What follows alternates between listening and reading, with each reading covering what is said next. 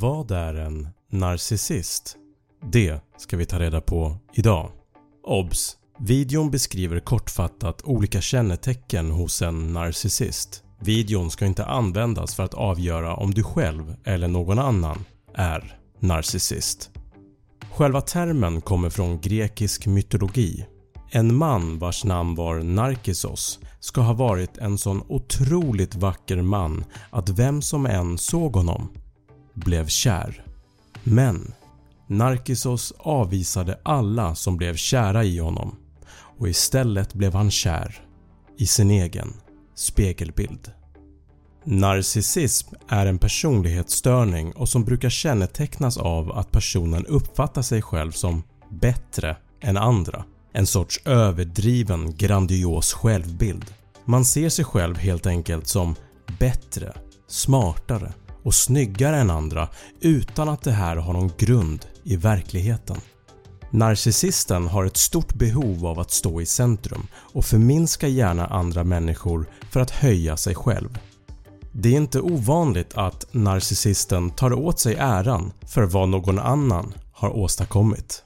Brist på empati är också ett starkt kännetecken. Narcissisten kan inte sätta sig in i andras känslor och har därför också svårt med djupa relationer med andra människor. Alla människor har såklart en vilja att bli omtyckt av andra men för narcissisten är det här uppskruvat till max. Man fantiserar grovt om framgång och makt och tycker att man har en rätt att umgås med andra viktiga personer bara för att man själv känner sig viktig. En narcissist kan påminna väldigt mycket om en psykopat.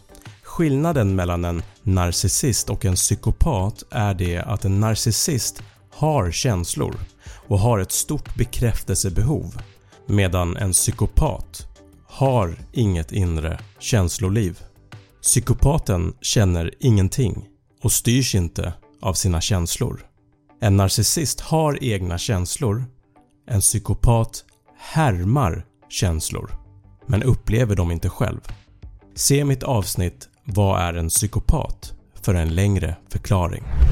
Eftersom narcissisten saknar empati och inte bryr sig om att ens beteende påverkar andra människor negativt så är det också sällan de söker sig till vård.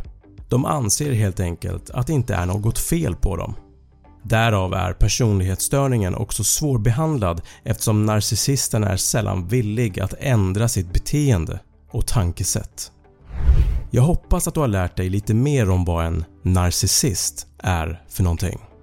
Och som alltid, tack för att du har tittat.